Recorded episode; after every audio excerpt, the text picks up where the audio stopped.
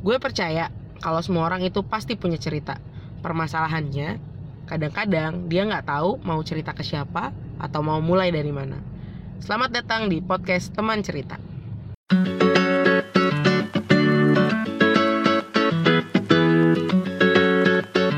Oke, halo. Selamat pagi, siang, sore, malam, kapan pun lo lagi dengerin teman cerita. Semoga hari lo menyenangkan, semoga lo lagi kenyang, semoga lo lagi dalam keadaan baik. Semoga teman cerita jadi kabar baik buat lo hari ini. Hari ini tanggal tanggal berapa? tanggal 6 Tanggal 6. eh sorry 5 Oh, tanggal 5. Udah ada udah kedengeran ya ada suara orang ya. Tanggal 5 eh, Maret 2019, gue lagi di kantor.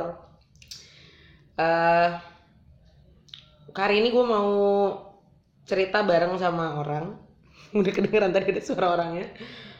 Jadi gue tadi random tiba-tiba kayak gue lagi buka-buka Instagram, terus gue ngeliat suatu account, terus gue kayak eh, wi rekaman podcast sama gue yuk gitu. Terus dia langsung sekarang. Iya sekarang tidak boleh ditunda-tunda.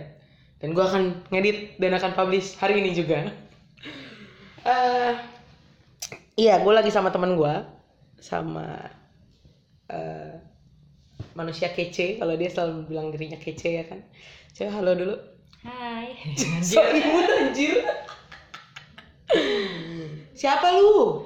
siapa Eh, kalau kalian sering lihat Instagram Cile gue juga sering nongol kok di situ Waduh. apalagi dengan suara cempreng gue ya ini ada Tiwi, hai ada Waldi juga ya Waldi. Hai.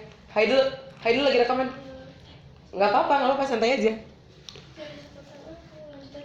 Oke lanjut aja. ya ini ada Nyari Di? Nyari post it aja kan kita suka Ya, kan meja habis gue banyak di di enggak ada. Terima kasih ya. Iya, maaf ya distraksinya nggak apa nggak akan gua. Ini gue sambil makan ya Iya santai. Eh ya ini Tiwi, gua, dia sering menongol di Instagram gua. Tapi pendengar gue tuh nggak semuanya dari Instagram, Wi. Oh gitu. Ya udah yang- kalian follow dulu Instagram Cile, abis itu follow Instagram gue. Siapa lu? Lu siapa? Lu kenalin diri dong. Lu tuh siapa? hmm, susah nih kalau gue ditanya gue siapa. Iya. Ya follow aja deh @pratiwiham. Hmm, nggak ada, nggak boleh, Wi. Di teman cerita tuh tidak boleh promote Instagram di depan. Ya kan gue gue anaknya anti mainstream, jadi gue promote di depan. Jadi gue Tiwi, gue kebetulan satu divisi sama Cile. Terus apalagi Cil? Mau tahu apa lagi? Jomblo Penting banget ya itu. penting. Nah, Terus Tiwi tuh punya bisnis, ya kan? ya punya beberapa anak yang mau diurusin. Eh, ya pokoknya kalian lihat aja lah di Instagram. Nggak bisa gue kenalin diri malu-malu gue anaknya pemalu. gitu. Ya, terus lu pasti semua pada bertanya-tanya kan ini sih Cile mau cerita apa sih kok ngajak-ngajak Orang nggak jelas. orang orang ini gitu. Enggak, gue nggak akan eh, bertanya-tanya kepada dia tentang bisnisnya dia. Eh, mungkin nanti kita akan ngobrol dikit, tapi gue bukan itu mainnya. Tapi mainnya adalah jadi Tiwi ini, eh, lu S1 di Unhas ya, Wi? Mm-mm. S1 di Unhas, jurusan Informatika, TI. informatika. Teknik informatika. Yang gue selalu mempertanyakan keinformatikaannya Tiwi. Ada Oli lagi. Ada Aldi lagi, hai lagi di. hai Terus S2-nya di di Inggris. uh, The British. Tepuk tangan online semuanya. Sampai lu. S2-nya di UK, ya kan? Di universitas apa? University of Warwick bentar makan dulu. Nggak apa sih? Ya, dia di Inggris, di UK, University of Warwick tulisannya Warwick tapi bacanya Warwick. eh, Warwick. Hmm, tuh, University of oh, jurusan? Innovation and Entrepreneurship. Gila. Bisa Entrepreneur. membayangkan nggak? Nggak usah dibayangin. Berapa tahun lo di UK? Eh, dari 2016 September kalau nggak salah sampai apa September ya du- 2016 September sampai eh, Februari awal 2018. Oke, Februari awal 2018, dua tahun ya? Awal ah, nggak lah nggak nyampe hampir, hampir. satu setengah tahun ya satu setengah tahun terus abis itu lo sempat di Aussie juga Eh empat setahun. work holiday visa? Working and holiday visa. Mm-mm. itu berapa? Bulan Hmm, setahun ya? Hampir setahun. hampir setahun lu nggak ngabisin setahun gitu ya? Enggak, karena gue mesti balik buat mengabdi pada negara. gila. Yang adalah di? Eh, Papua Barat sebagai pengajar muda Indonesia luar mengajar. biasa. Dadah! Gangguannya banyak. Ines. Ines sama siapa sih? Sama Mawan. Ya terus kata kata yang dengerin teman cerita ini siapa sih mau di absen Iya, maaf ya.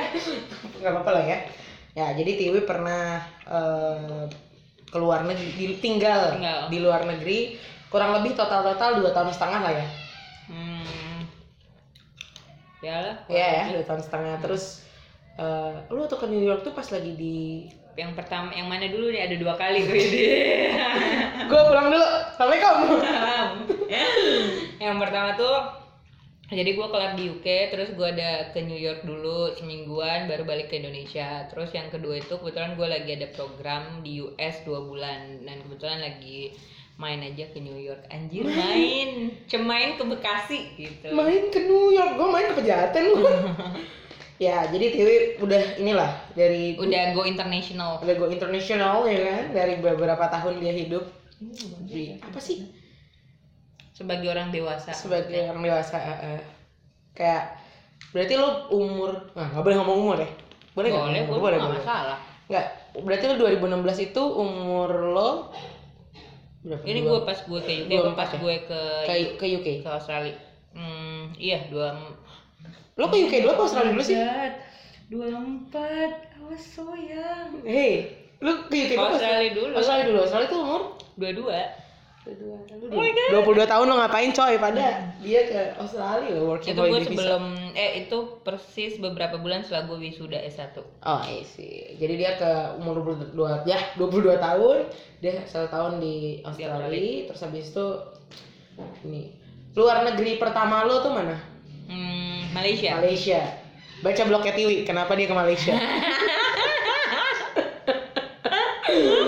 ya, demi mengejar cinta guys bukan mengejar cita-cita tapi mengejar cinta. cinta. tapi itu Ya. jadi gerbang lo untuk akhirnya menemukan cinta yang baru ya traveling maksudnya Kita ini ngomongin apa sih jadinya? nah, sumpah random banget nggak apa-apa. Ntar judulnya Tiwi dan luar negeri. Ya. Dia dia lagi diet terus tapi ngunyah terus. iya gue lagi diet Ya nih tapi nggak ya udah cheating deh hari ini. Oke, gue di cheating day, cheating week, cheating month. ya nggak dong. Ya, jadi kenapa gue tadi ngangkat Tiwi pernah ke luar negeri? Bukan cuma jalan-jalan tapi uh, Tinggal. tinggal.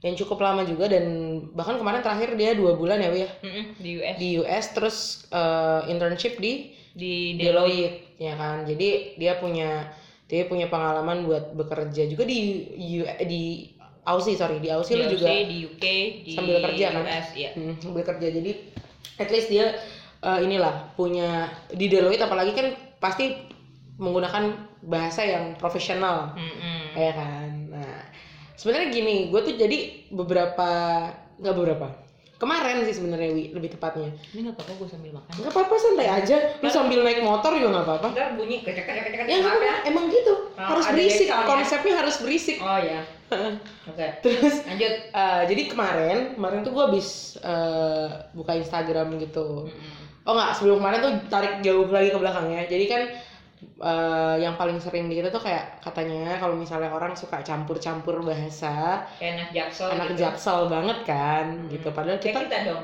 Wah, kita anak Kita Sulawesi Jaksel. Selatan. Oh bukan ya? Oh iya Sulawesi kita Selatan, iya. sama-sama selatan lah. Makassar proud. Heeh. terus katanya tuh anak jaksel anak gaul gitu.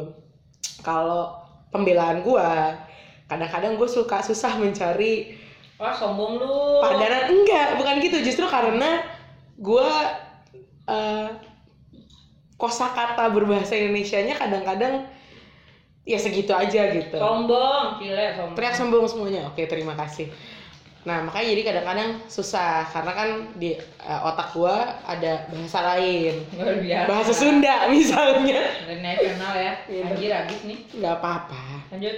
Nah eh, terus fenomena itu tuh jadinya terlalu di dilebay-lebaykan lebay-lebaykan gitu kayak oh, anak jaksel banget sih kalau nyampur-nyampur sama bahasa Inggris gitu. Emang bahasa Inggris lo udah bener dan lain-lain gitu.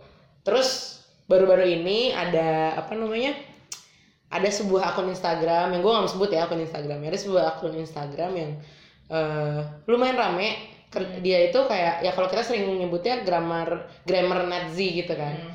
kayak dia eh, lu salah harusnya tuh gini bahasa Inggris itu nggak gitu harusnya gini gitu tapi dia spesifik tuh kayak influencer artis gitu Oke. jadi di screenshot lah sama dia captionnya terus ditaruh di Oh feedsnya ini. nggak boleh sebut akun mbak ya ini. oh. nah, nah itu akunnya nah jadi dia di screenshot sama dia terus dia tulis tuh di captionnya Hmm. eh, ini tuh salah harusnya tuh gini gitu eh gue sih gini eh, kenapa gue ngajaknya ngobrolnya Tiwi karena sebenarnya gue punya punya pandangan sih terhadap eh, apa namanya nih fenomena fenomena mencampur-campur bahasa ataupun menggunakan bahasa yang sebenarnya kalau secara grammar mungkin nggak benar gitu Mm-mm. gue soalnya wi kalau gue ujian bahasa Inggris ya yang paling jelek tuh grammar gue udah Sama gue juga. Jadi kayak ya udah gue tuh bakal kalau gue influencer gue akan masuk di situ Hmm. sayangnya gue influenza. Jadi nggak bisa masuk di akun tersebut gitu. Nah kenapa gue ngajak ngobrol Tiwi? Karena kan sebenarnya eh, Tiwi ini udah pernah tinggal lah di luar gitu kan. Alhamdulillah. alhamdulillah rezekinya ya kan? Yang pertanyaan pertama adalah eh bagaimana lo kenapa sih lo ketawa? Ini gue baca-baca.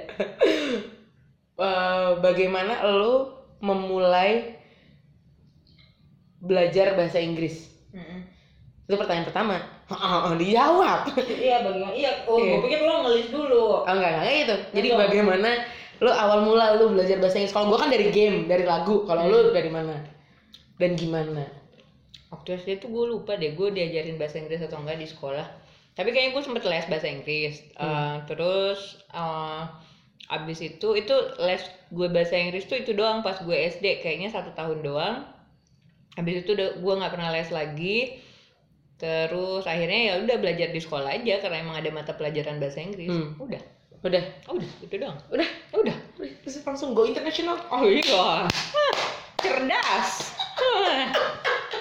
Ada ada keangkuhan dan kesombongan di. Kalau ada yang bisa diangkuhin nggak apa-apa. Oh, Oke, ya, itu konsepnya Tiwi. Mm-mm. Tapi ya beneran gue gue baru inget gue tuh baru gue tuh cuma eh, cuma les bahasa Inggris pas SD doang setahun eh, gara-gara kayaknya eh, nyokap dan bokap gue nggak mau gue keseringan di rumah jadi kayak gue ya udah lu masuk les ini aja dah les bahasa Lu pasti anaknya mageran di rumah mulu. iya terus Nggak bersosialisasi sama iya, orang. dia kayak disuruh kayak udah lu les gitu terus kan kayaknya lesnya murah gitu karena menurut gue kayak kalian pasti nggak pernah dengar kalau sekarang tuh yang terkenal sebut saja tit tit tit nah itu gue nggak les di situ pokoknya gue les di eh, Sebut strata strata 7 mungkin paling bawah ya biasa aja banget ya pokoknya murah banget yang dua huruf, yang udah. tiga huruf, yang tiga huruf ya tadi ya. Tit, Iya, tit, tit. nah, Dua huruf, atau tiga yang huruf, tiga huruf. atau yang itulah pokoknya pokoknya nggak ada deh di list itu kayaknya yang punya orang lokal kayaknya Hmm. udah itu doang oh sama waktu itu gue sempet sebelum gue mau ke gue lulus kuliah kalau nggak salah waktu itu apa mau mau menuju lulus S1 terus kayak gue lagi libur dan gue ikutan lah semacam kayak English camp gitu. Tapi kayak si campnya juga biasa aja gitu loh bukan yang kayak kalau sekarang kan ada tuh yang kampung apa sih kampung Inggris itu? Iya di Pare, di Pare, ya itu nggak kayak gitu ini kayak biasa banget lah terus kayak ya udah itu dua minggu apa tiga minggu karena ngisi kegiatan doang. Bayarnya juga kalau nggak salah cuma lima ratus ribu udah memakan tempat tinggal murah banget nggak sih Oh iya. Mm-mm. Hmm. Tapi ya udah gitu doang Oke. udah Tapi waktu lo les, waktu lo ikut ke English camp, itu tuh pasti ada conversation kan? nah ganggu nggak sih suara gue kerenyak kerenyak bodo amat Nggak bisa jawab. oh ya nggak bisa jawab. mohon maaf duluan nih ya. Nah, ada konvo iya ada ada ada konvo eh, ada ada conversation kan di situ. Terus eh sementara vocab kosakata lu mungkin belum sekeren sekarang seperti yang sekarang keren banget. nggak juga kok Oh, enggak. Mm-mm. Ya maksudnya dulu udah keren, ya kan gitu kan maksud dulu lo? keren. Cuma dulu tuh belum ada Google Translate kayaknya, belum ada Google. Jadi kayak sekarang gue lebih keren karena ada Google Translate aja, ada Oke Google. oke oke oke oke oke oke oke. Tapi ya gue emang lebih keren sih sekarang. Ya nggak usah speechless dong, biasa aja. Gue tuh udah temenan sama Tiwi setahun ya, tapi masih suka speechless sama kalau dia tiba-tiba bragging gitu. Mm. Ya, subtitle-nya di bawah sini.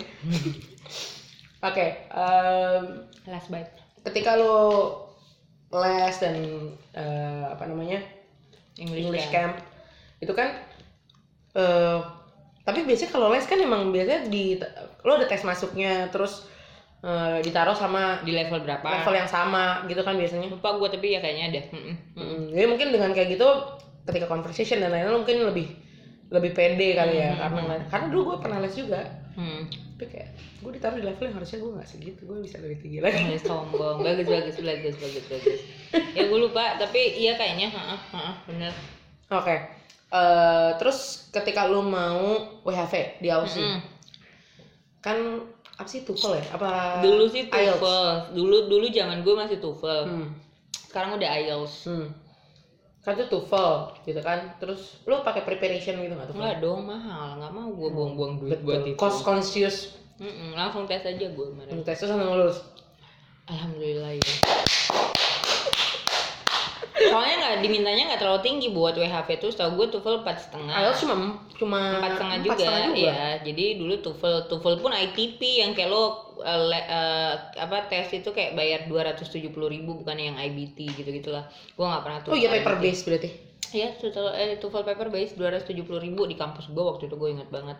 Udah empat setengah ya dapet lah udah apply WHV oh gue harusnya berarti waktu itu dapet ya WHV kalau lo apply. Iya benar makanya. Hmm. oke. Itu. Lo akan dapat kalau lo apply. Apa oke. Nggak lo akan dapet kalau lo minta. Oke oke. Minta itu. Hmm. dapatkan gue. Terus udah gitu. Eh, oke. Ini kerekam gak sih sebenarnya? Tahu-tahu gue nggak. penasaran kerekam. Hmm. Em, kita majukan Mm-mm. timelinenya. Sampai ke akhirnya lu berangkat ke Aussie. Mm-mm. ketika sampai sana otomatis lu dipaksa untuk ngomong. Ngomong? Iyalah. Kalau enggak lu?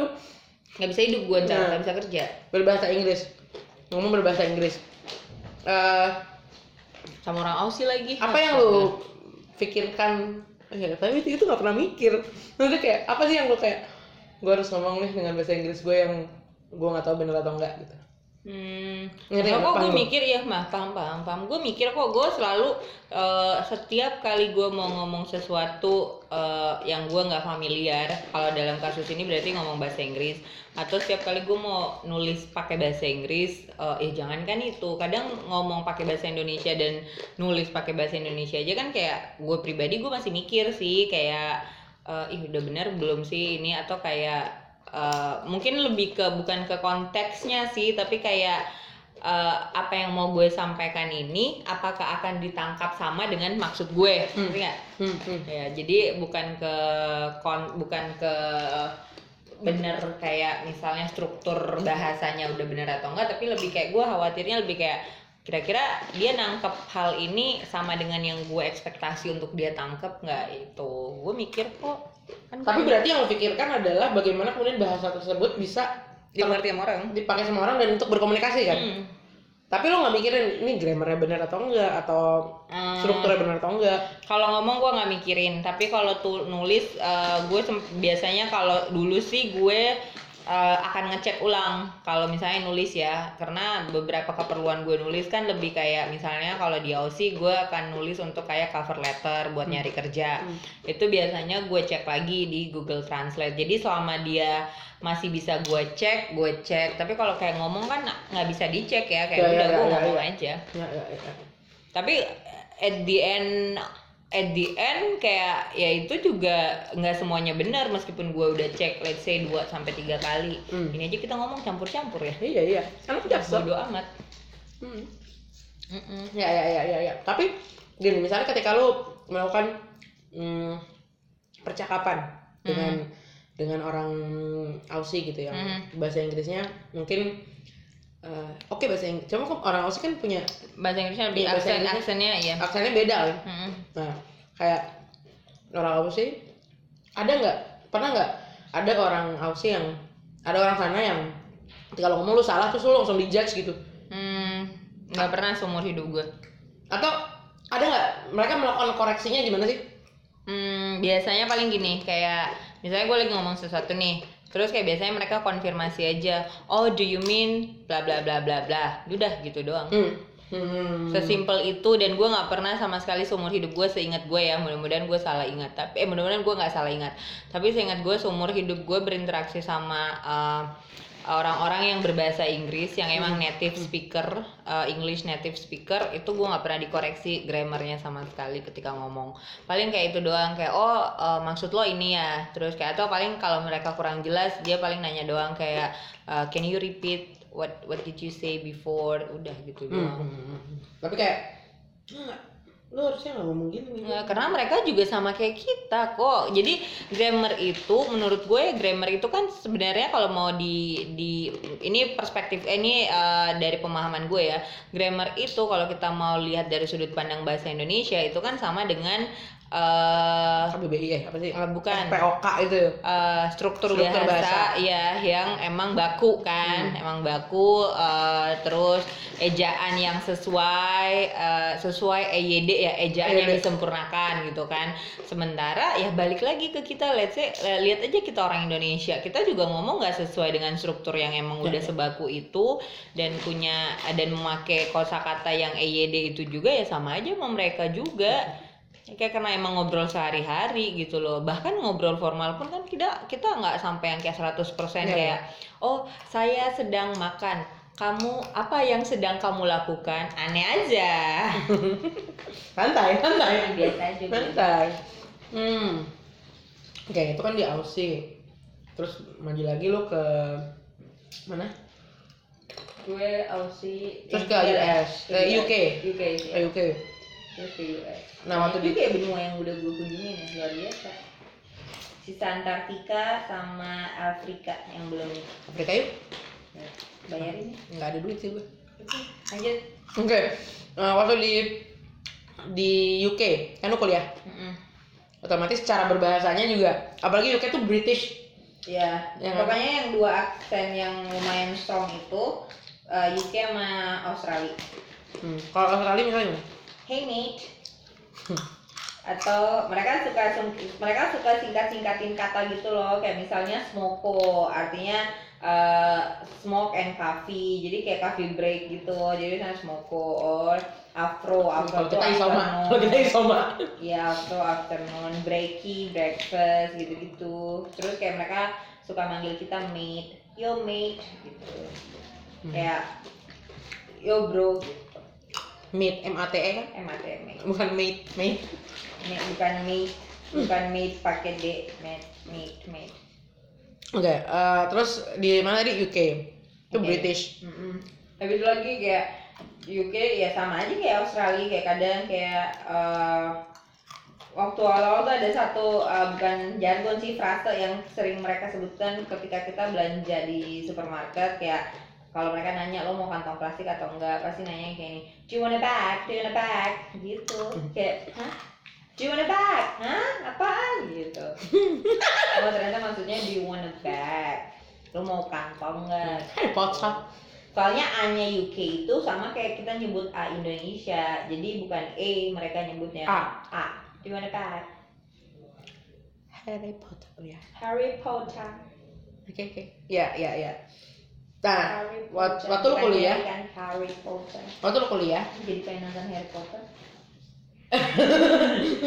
Lanjut. waktu lu kuliah, hmm, lu S2 di sana otomatis, Mm-mm. hmm, apa sih lecturer? Eh, Di sana sih dosen sih? eh, bu- kita sih Profesor. tutor. Tutor. Ya tapi lecturer juga bisa. Hmm. Profesor lu, Ya. lu bisa beli makan. Kayak tutor lu di sana kan pasti menggunakan bahasanya bahasa gua nggak tahu pakai bahasa akademis gitu atau Kalau lagi ngajar, Hmm. enggak kok. Sama kayak kita. conversation biasa Iya. gitu. Iya, heeh, sama kayak kita. Eh, dan yang gue suka adalah mereka tuh sangat mengapresiasi kita ketika eh, yang selalu gue ingat banget adalah dosen gue bilang kayak gini. Eh gue tuh salut banget sama dia nggak bilang pakai bahasa Indonesia ya ini. Dia nggak bilang gue salut banget. Nggak. Eh, enggak ya udahlah. Eh, dia bilang kayak gini kayak gue eh, saya salut banget sama kalian eh, yang datang dari negara yang tidak berbahasa Inggris. Soalnya teman-teman gue tuh diverse banget kayak eh, yang beneran British tuh kayaknya di kelas gue malah nggak ada. Eh, adanya malah yang kalau dari Eropa tuh ada dari Jerman ada dari S- eh, Swiss terus ada yang dari kayak misodeni misodonia misodenia misodenia aku lupa lah pokoknya itulah. Eh, terus selebihnya itu dari India dari Asia. Asia itu paling banyak eh, ada dari Thailand Cina Taiwan em, sama ada Indonesia ada gue Disebutkan semua negara sama Tiwi. Mm-mm. itu beberapa gue lupa selebihnya apa eh, terus ya udah yang yang paling gue ingat banget adalah si dosen gue ini bilang kayak gue tuh apresiasi banget loh kalian eh, datang dari negara yang tidak berbahasa Inggris datang ke sini mau belajar eh, satu mau be- udah mau belajarnya aja gue udah apresiasi gitu kan karena orang-orang di Brit- di UK itu jarang yang mau S2 mereka Hmm. biasanya langsung kerja Terus yang kedua eh, apresiasi lainnya adalah lo udah jauh-jauh datang, lo belajarnya pakai bahasa yang lo nggak familiar lagi gitu kan, bukan bukan bahasa ibu lo gitu. Walaupun mungkin lo belajar bahasa Inggris tapi kan tetap aja itu beda. Sementara kayak kita yang emang orang British atau emang eh, orang yang berbahasa Inggris sejak lahir yaitu mungkin menantang untuk belajar tapi ya udah tantangannya segitu doang belajarnya aja. Tapi kalian kayak kalian harus belajar udah gitu menggunakan bahasa yang bukan bahasanya kalian. Jadi kayak buat mereka eh, selama lo selama mereka ngerti apa yang mau lo omongin itu fine fine aja even di tugas pun kayak grammar itu nggak terlalu jadi poin utama penilaian I see. Ya, ya, ya. ya, ya. Kalau misalnya? Bukan. baterai. Eh, Oke, kalau misalnya eh, lu kan eh, tesis kan, jadi. ya di kita sih nyebutnya disertasi Oke. Ini ngapain? Kebuka lagi tahu. Oke, lu kan eh tesis apa? siapa sih kita habisin Disertasi, ya? nggak iya tahu. kita nyebutnya disertasi tapi ya di eh, di Indonesia mungkin nyebutnya tesis kali Ya otomatis lu kan tesis tuh S3 gak sih? kalau di Indonesia ya S2 tuh apa? Tesis juga gak? eh tesis oh di Indonesia tesis tuh S2 disertasi S3 Oh, kalau di sana disertasi S2 S3? tesis kayaknya Gue kebalik. ngomong mereka dong Apa janjian sini sebenarnya S2 disertasi? Ya nggak tahu lah. Tahu. Eh, kan lu ya tugas akhir ya, tugas akhir. Hmm. Lu yang akhirnya dari tugas akhir lu itu yang menyebabkan lu punya tenun. Mm-mm. Iya kan? Itu Hmm. another story tuh. Ya, tapi ini fakta. Iya kan? Tapi itu Bukan, ada fakta yang mau gue sampaikan. Apa? Ya, ya lanjut dulu aja sambil Ya. gue mencari fakta yang lupa Eh, gue. Jadi Nah, berarti kan lu writing. Ya, gue nulis. Kalau misalnya eh ketika lu conversation atau apa nih? Disertasi gue 37.502 kata. Wow. Eh, Karena emang syaratnya ada minimum katanya. berapa? Kayaknya 18 ribu doang. Kenapa lu tuh bisa jadi dua disertasi gitu? Ya, well, anyway. gue kan suka go di extra mile. Oke. Kita harusnya gotong royong, Wi. Hmm, nah. Eh, apa tadi? Kan gue jadi ke distract. kan nulis. Iya kan nulis. Mungkin ketika kalau kalau lagi apa namanya conversation, lu lagi sehari-hari lu ngobrol sama orang kan kayak ya udah yang penting Ngerti. ngerti Mm-mm. gitu. Sementara kalau nulis kan kadang-kadang lu pasti butuh eh apa bahasanya? Kalimat yang sesuai gitu, kalimat yang sesuai. Itu eh apakah kan kalau di ya gue skripsian di Indonesia ya lu kan juga skripsian di Indonesia maksud gue ketika Ya, lu skripsian di Indonesia, di Indonesia. kan juga kadang-kadang suka dilihat kan Hmm. eh, EYD dan lain-lain Hmm. sama dosen lo gitu ya. Kalau di sana tuh gimana?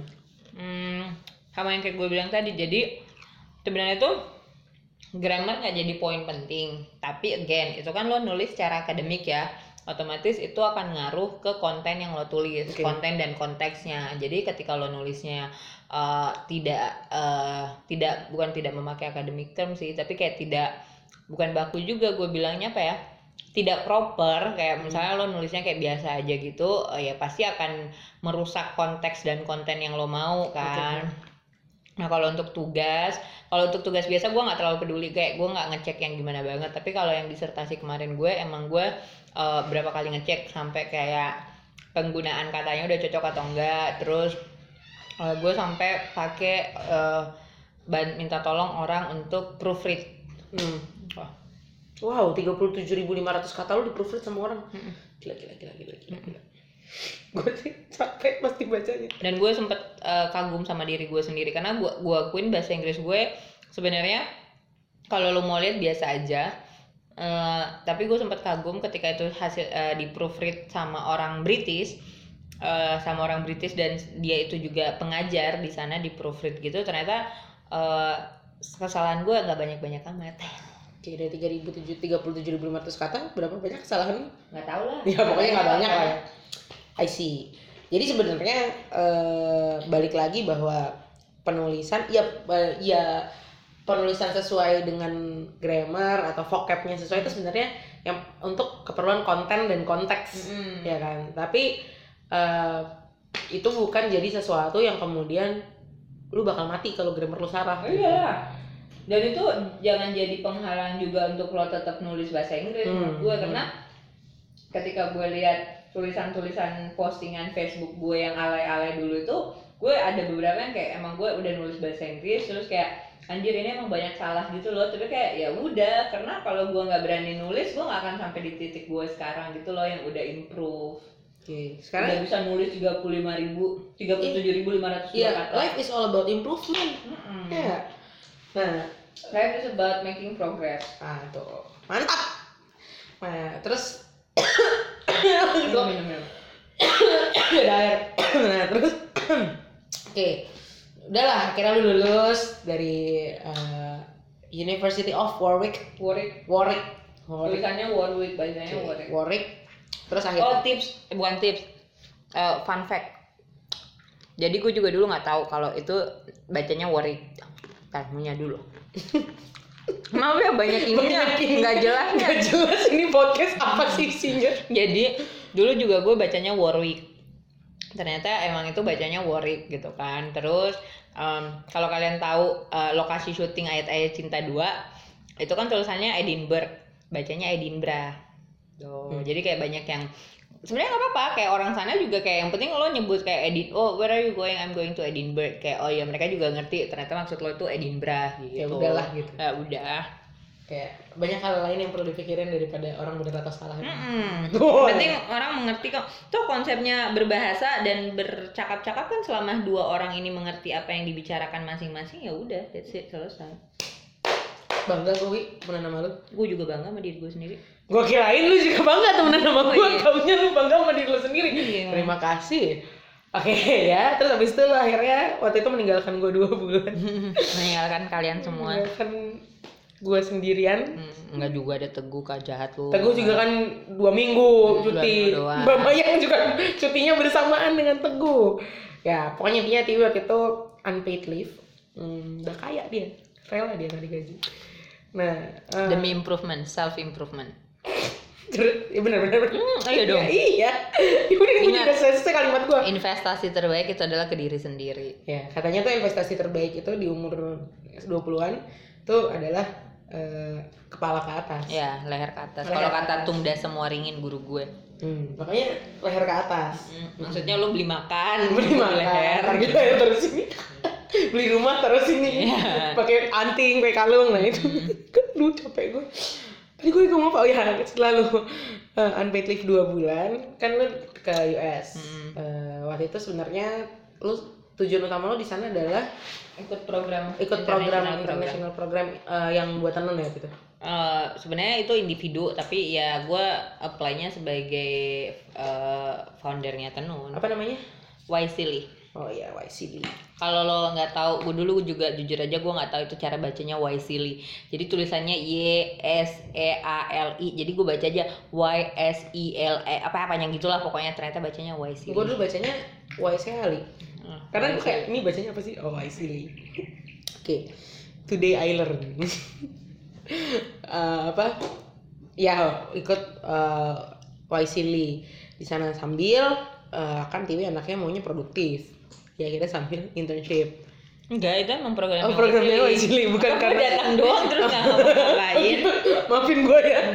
gue kurang tapi kurang emang research. kebetulan uh, uh, placement gue itu uh, jatuhnya kayak internship Hmm, di Deloitte. di Deloitte lo nggak tahu kan Deloitte apa Deloitte itu kalau lo nggak tahu company. tenang aja 2016 yang lalu salah 2017 yang lalu gue juga nggak tahu Deloitte itu apa gue bahkan mengira Deloitte itu adalah chain supermarket Oke. Nah, 2018 dia ditempatkan di salah satu Deloitte ter- oke. terbesar kalau 2018 kemarin lo belum tahu judul lo siapa, mungkin 2019 ini lo tahu judul lo siapa jadi. Mm-mm, mm-mm. Gitu. Aku nggak nyambung. Ya, benar, benar. Tadi gue lagi ngomong apa sih? Oh ya, kan Ditempatkan Deloitte di- itu adalah salah eh, kalau di Indonesia tuh big five-nya di seluruh di dunia seluruh dunia. Oh salah. Terima kasih. Iya dong. Sudah mengkoreksi. Di seluruh dunia adalah big five-nya consulting consulting firm. Jadi kalau eh, akuntan, anak-anak akuntan tuh yang ngerjain audit-audit salah satunya itu pekerjaannya si Deloitte itu. Big five macam-macam sih. Apa aja ya? Ya udahlah. ada EY, Oh, ada EY. Ernst and Young, ada KPMG, Deloitte, uh, PwC, Udah, empat big four. Eh, oh ya Big Four. Si Deloitte, Deloitte itu ini tahu klub basket. Ada Kan Deloitte. Deloitte nama kota. Iya, di Deloitte itu satu klub basket. Kota hijau. Ya, anyway. Nah, terus ketika di Deloitte kan lu bekerja profesional. Ya. Eh, which is tuh apa sih bahasa Indonesia? Terus kayak gue tuh ngomong which is tapi terlalu anak jaksel. Apa tuh? ya which is itu harusnya kalau di Indonesia kan jadi apa? Ya itu. Yang mana? agak aneh kan? Tergantung lo mau ngomong apa kalau kita lagi ya udah. Lo kan Kaya, kerja kaya, di Deloitte kaya. di Deloitte Yang mana lo nggak aneh kok. Oke. Ini masalah kebiasaan. oke oke oke kita akan menggunakan yang mana Ya. yang mana Nah. lo di sana harus menggunakan eh, kalimat yang bukan kalimat bahasa mungkin bahasanya Lebih bahasa profesional. lebih profesional bisnis lah. Eh, dan ya balik lagi sama pertanyaannya apakah kemudian ketika lo menggunakan eh, professional English eh, apakah kemudian ketika lo salah bentuk koreksinya seperti apa? Oh, ya lagi-lagi yang gue bilang tadi seumur hidup gue berinteraksi sama orang asing, eh, apalagi yang eh, ya yang berbahasa Inggris yang emang native speaker itu gue nggak pernah sama sekali merasa dan saya pengingatan gue gue nggak pernah sama sekali dikoreksi yang gimana banget. Eh, palingan eh, mereka biasanya eh, nanya itu lagi kayak tadi oh maksud lo ini? Kayak oh lo bisa ngulang nggak? Gini gini itu doang that's it. pas lo presentation yang terakhir presentasi pas presentation. Ya tahu ya lo ya? Tahu gue dua kali presentasi ada pitching pertama sama pitching kedua. Eh, ya udah nggak ada yang kayak gimana gimana banget. Karena kan lo ber- harus ketika presentasi kan biasa lo nggak mungkin pakai bahasa sehari-hari kan? Eh, mungkin eh, mungkin sebenarnya gue nggak bilang gue nggak pakai bahasa sehari-hari tapi ada beberapa term ada beberapa diksi yang mungkin gue ubah gitu loh. Hmm. Heeh. Oh, oke. Gitu. tapi nggak nggak yang kayak enggak enggak gitu Enggak, paling di ini kalau yang gue lihat beda yang gue lakukan adalah yang bedain ketika gue ngomong dan nulis itu emang di pilihan diksinya. Kalau gue Hmm. ngomong ini lebih sangat-sangat casual tapi nggak yang slang banget, apalagi di lingkungan profesional lebih kayak semi formal tapi Eh, eh, ke arah eh, eh, casual. Tapi kalau gue ngomong sama beberapa orang kayak di luar lingkup profesional, kadang masih ada slang kata-kata slang eh, slang itu apa ya bahasa Indonesia? Kata-kata uh, gaul gitulah yang masuk gitu kan. Tapi ketika gue beneran nulis uh, let's say itu report atau bikin deck itu emang diksi yang dipilih lebih profesional atau lebih baku aja gitu. Ada nggak report yang ditolak gara-gara bahasanya salah? Kagak ada lah. Paling kalau la- ini doang. Mungkin bukan mungkin bukan karena bahasanya salah jadinya ditolak atau mungkin bukan ker- atau bukan karena bahasanya salah atau grammarnya salah makanya uh, nilainya jadi lebih rendah tapi menurut gue karena itu akan ngaruh ke kontennya Balik lagi, iya balik balik lagi. lagi konten dan konteks itu gitu loh. selama bahasa yang lo gunakan itu sesuai dengan konten dan konteks yang lo Hmm. sampaikan hmm, semuanya Iya. bahagia iya ya kan Nah, happy. sesimpel kayak misalnya lo lagi nulis report gitu kan, terus kayak harusnya kan report itu ditulis dengan eh, mode mode lagi kan gue bilangnya eh, bentuk past tense kan, karena Hmm. kan itu udah kejadian sebenarnya misalnya. Tapi ada beberapa orang yang mungkin nulis itu sebagai present time, jadi kayak waktu yang sedang jadi kayak udah lagi berjalan gitu loh ya mungkin dosen lo akan bingung kayak ini sebenarnya dia masih sementara riset atau risetnya udah gitu Oh, ya kan ngaruhnya paling di situ doang Ya, ya, ya, ya, ya, ya, ya, ya. Hmm. menarik ya maksudnya Iya, mungkin mungkin karena mereka native-nya bahasa berbahasa Inggris Iya. gitu. Mungkin agak beda sama eh, kita yang naturally bukan bahasa Inggris ya ya kan. Nah, eh gue nggak tahu sih kalau dalam konteks gue kan gue belajar bahasa Inggris lewat game, Mm-mm. lewat game, lewat lagu, Kalau mungkin gue lewat film kali ya. lewat film. Eh, dulu tuh gue pernah ambi-ambinya belajar bahasa Inggris tuh SMA. Kalau nonton film gue nggak mau pakai sombong subtitle. banget. Gua Tapi abis itu gue gak ngerti tuh film apaan. sekarang aja gue masih pakai subtitle. Akhirnya sekarang gue pakai bahasa Inggris. subtitlenya bahasa Inggris gitu. betul. Karena akhirnya ketika ada kalimat yang oh gitu ya cara ngomongnya tulisan Mhm. ini gitu. Gue akhirnya kayak oh ya gini oh gini. Eh tapi kadang ini wi kadang tuh takut gitu buat Takut eh karena gue takut bukan takut dalam arti kayak takut ketika lo mau nulis dalam bahasa Inggris atau ketika mau eh apa ya mau ngomong dalam bahasa Inggris tuh kadang-kadang takut kenapa karena ya tadi karena takut dikoreksi sama orang takut kayak ya gitu Hmm. eh, ada yang kemudian eh, ah enggak enggak gitu harusnya lo cara Hmm. ngomong bahasa Inggris bahasa Inggris tuh jelek gitu Mhm. judge di judge di, eh, dijudge lah sama orang gitu Iya. atau apa sih di pokoknya grammar Nazi kan di mana-mana banget nih kayaknya Iya. gitu Hmm. Eh, atau ada dua nih ada yang ngejudge kayak bahasa Inggris lo salah ada yang satu lagi tuh yang kayak ngapain sih lo susah pakai bahasa Inggris kayak gitu kan Mhm. nah eh gue nggak tahu dari lo mungkin ada nggak eh, apa sih eh, yang mau lo sampaikan ke orang-orang yang Mhm. pengen berbahasa Inggris gitu? Ya menurut gue eh, dari pengalaman gue aja kayak ya udah kalau emang kalian mau nulis pakai bahasa Inggris nulis aja. Kayak terlepas itu salah atau enggak tapi mungkin untuk men- meminimalkan eh, meminimalisir. memina- meminimalisir.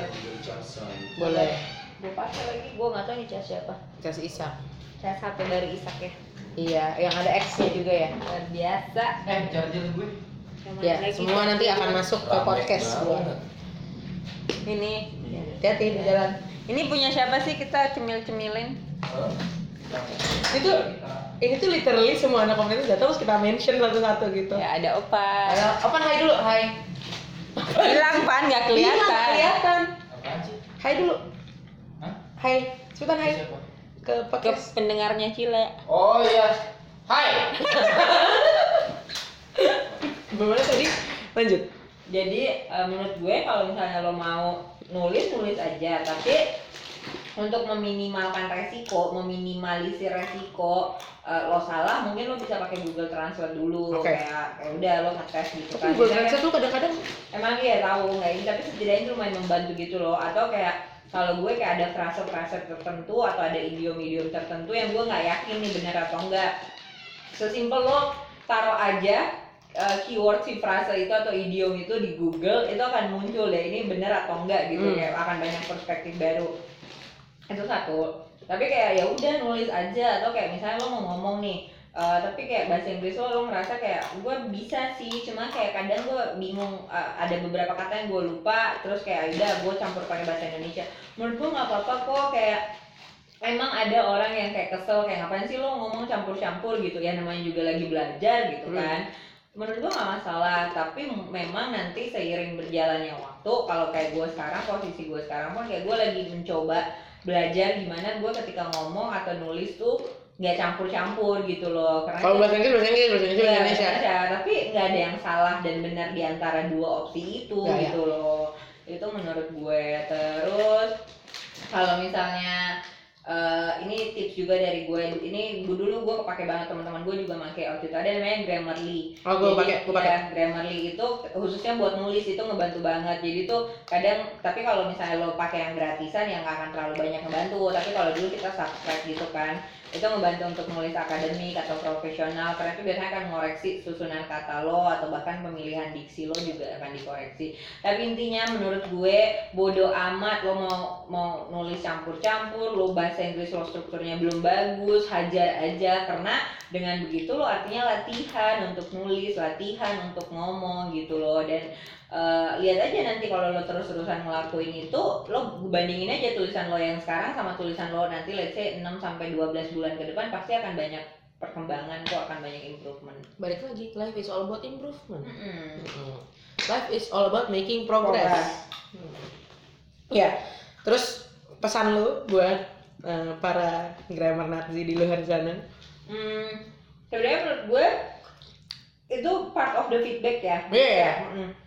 Gue pribadi aja emang kadang kayak untuk ukuran nol untuk ukuran pengetahuan gue yang sebenarnya biasa-biasa aja yang IELTS-nya cuma sekian gitu kan.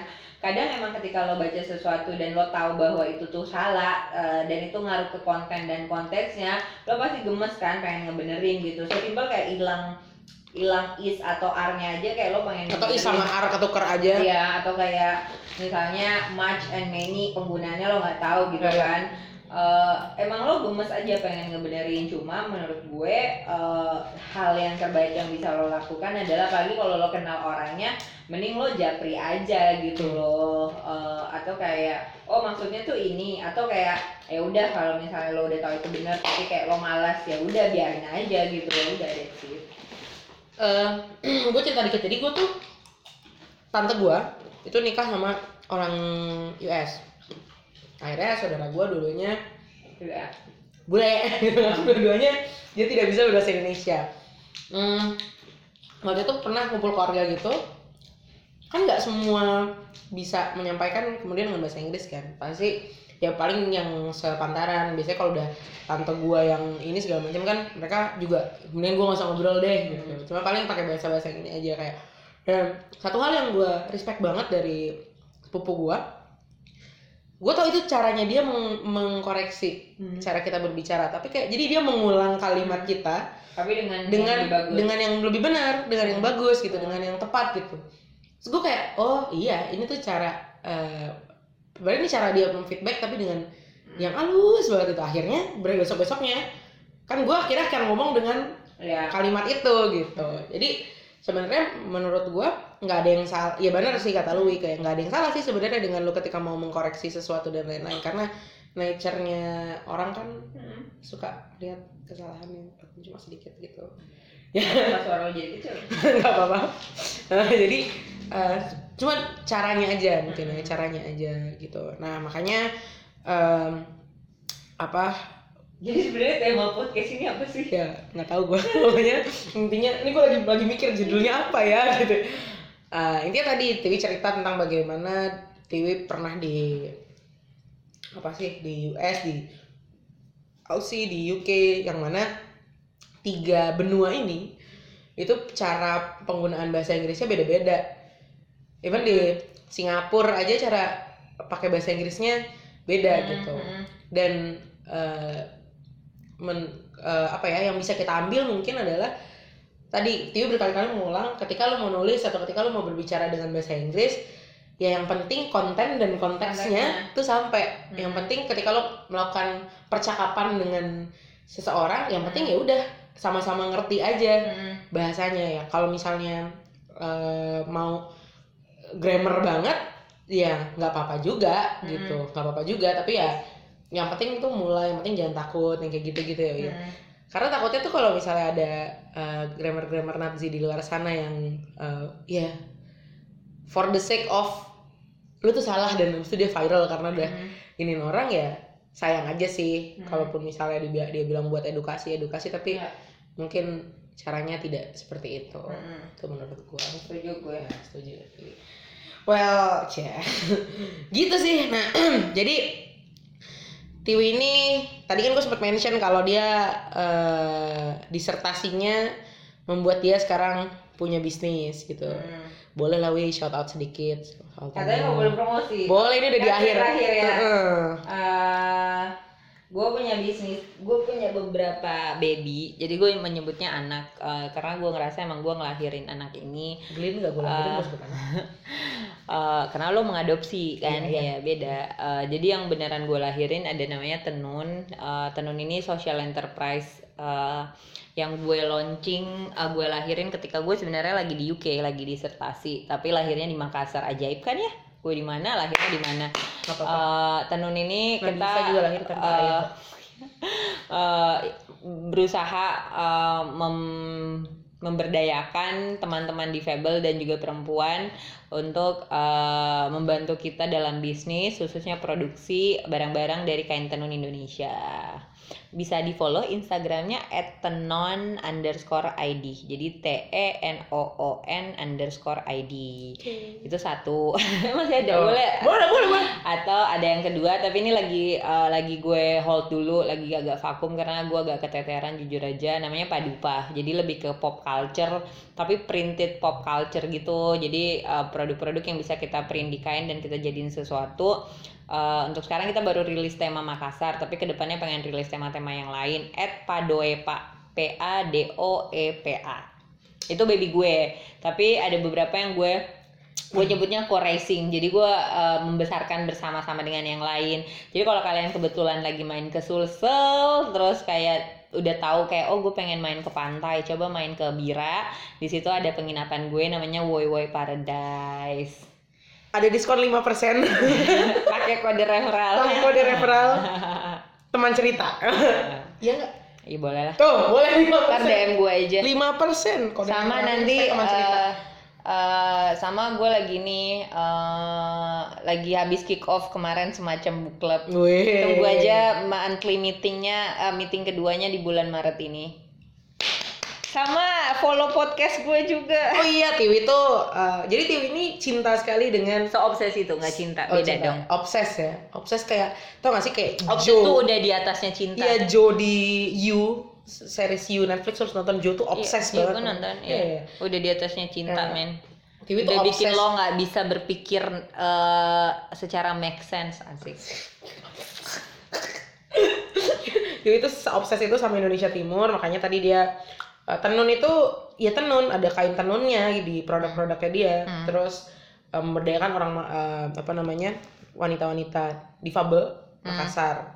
Terus eh, Padupa Padupa juga pop culture-nya Makassar dulu. oh iya untuk sekarang Ya, terus tep- saking Tiwi obsesnya sama Indonesia Timur, dia tuh bikin podcast Mm-mm. cerita dari Timur, Mm-mm. betul ya, Mm-mm. cerita dari Timur. Jadi teman-teman kalau misalnya mau eh, nanti in- isinya, kalau yang dari bocoran Tiwi adalah dia akan banyak eh, berbagi ngangkat cerita. berbagi cerita, profiling orang-orang keren dari Indonesia Timur, tapi mungkin belum se belum jarang atau misalnya atau yang sudah sering didengar namanya atau yang jarang dengar namanya. Jadi banyak orang-orang Tunggu aja Indonesia. ditunggu aja. Kalau misalnya teman-teman punya nama siapa oh iya ya? boleh. Siapa yang- nama cerita. Cerita. Atau mungkin teman-teman dari Indonesia Timur dan ya, kayak pengen diangkat pengen diangkat profilnya. profilnya atau pengen ngobrol sama Tiwi follow aja instagramnya @pratiwiham. Jangan lupa follow juga at semacam book club nggak nyambung. Jangan lupa didengerin juga podcastnya terima kasih loh. Banyak ya promanya eh nggak apa-apa. Pusing ntar Oh, ini pendengarnya. endorse.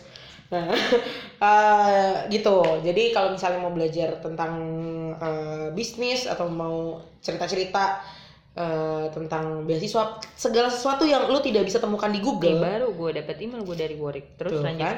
Tadi balik lagi kalau misalnya mau ngobrol sama Tiwi, mau eh, apa namanya tanya-tanya tentang bisnis, tentang eh, Indonesia Timur, tentang apalagi ya apa pun, Macam-macam. tapi yang tidak bisa lo temukan di Google, ya, yang tidak bisa ditemukan di ya Google, yang tidak bisa lo temukan di Google kalau bisa gue nggak akan jawab tuh kecuali kalau gue lagi baik banget silahkan di follow at Pratiwiham dan didengarkan cerita-cerita Tiwi. Well, uh, I think that's all. Uh, terima kasih Tiwi. sama-sama Ya semoga uh, podcast teman cerita bisa jadi temen lo ngepel, nyapu, masak, al boker atau teman perjalanan lo.